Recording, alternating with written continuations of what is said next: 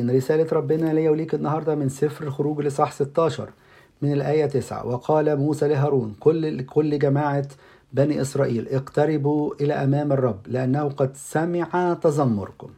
فحدث إذ كان هارون يكلم كل جماعة بني إسرائيل أنهم التفتوا نحو البرية وإذ مجد الرب قد ظهر في السحاب.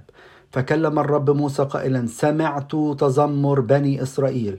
كلمهم قائلا في العشية تأكلون لحما وفي الصباح تشبعون خبزا وتعلمون إني أنا الرب إلهكم. خلي بالك خلي بالك ربنا بيسمع التذمر.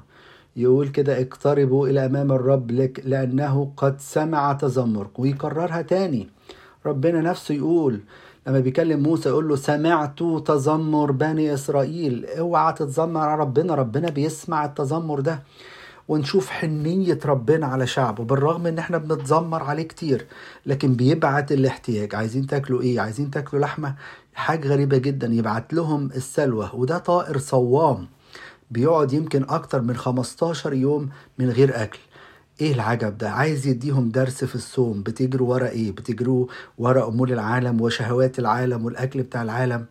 عشان كده النهارده ربنا بيقول لي وبيقول لك من فضلك ما تتذمرش هو بيسمع التذمر دوت. خليك حريص في صلاتك. وانت واقف قدام ربنا وبتتكلم خليك اعرف انت بتقول إيه. كتير قوي بنغلط إحنا ببساطة قلب نقول ليه يا رب عملت كده؟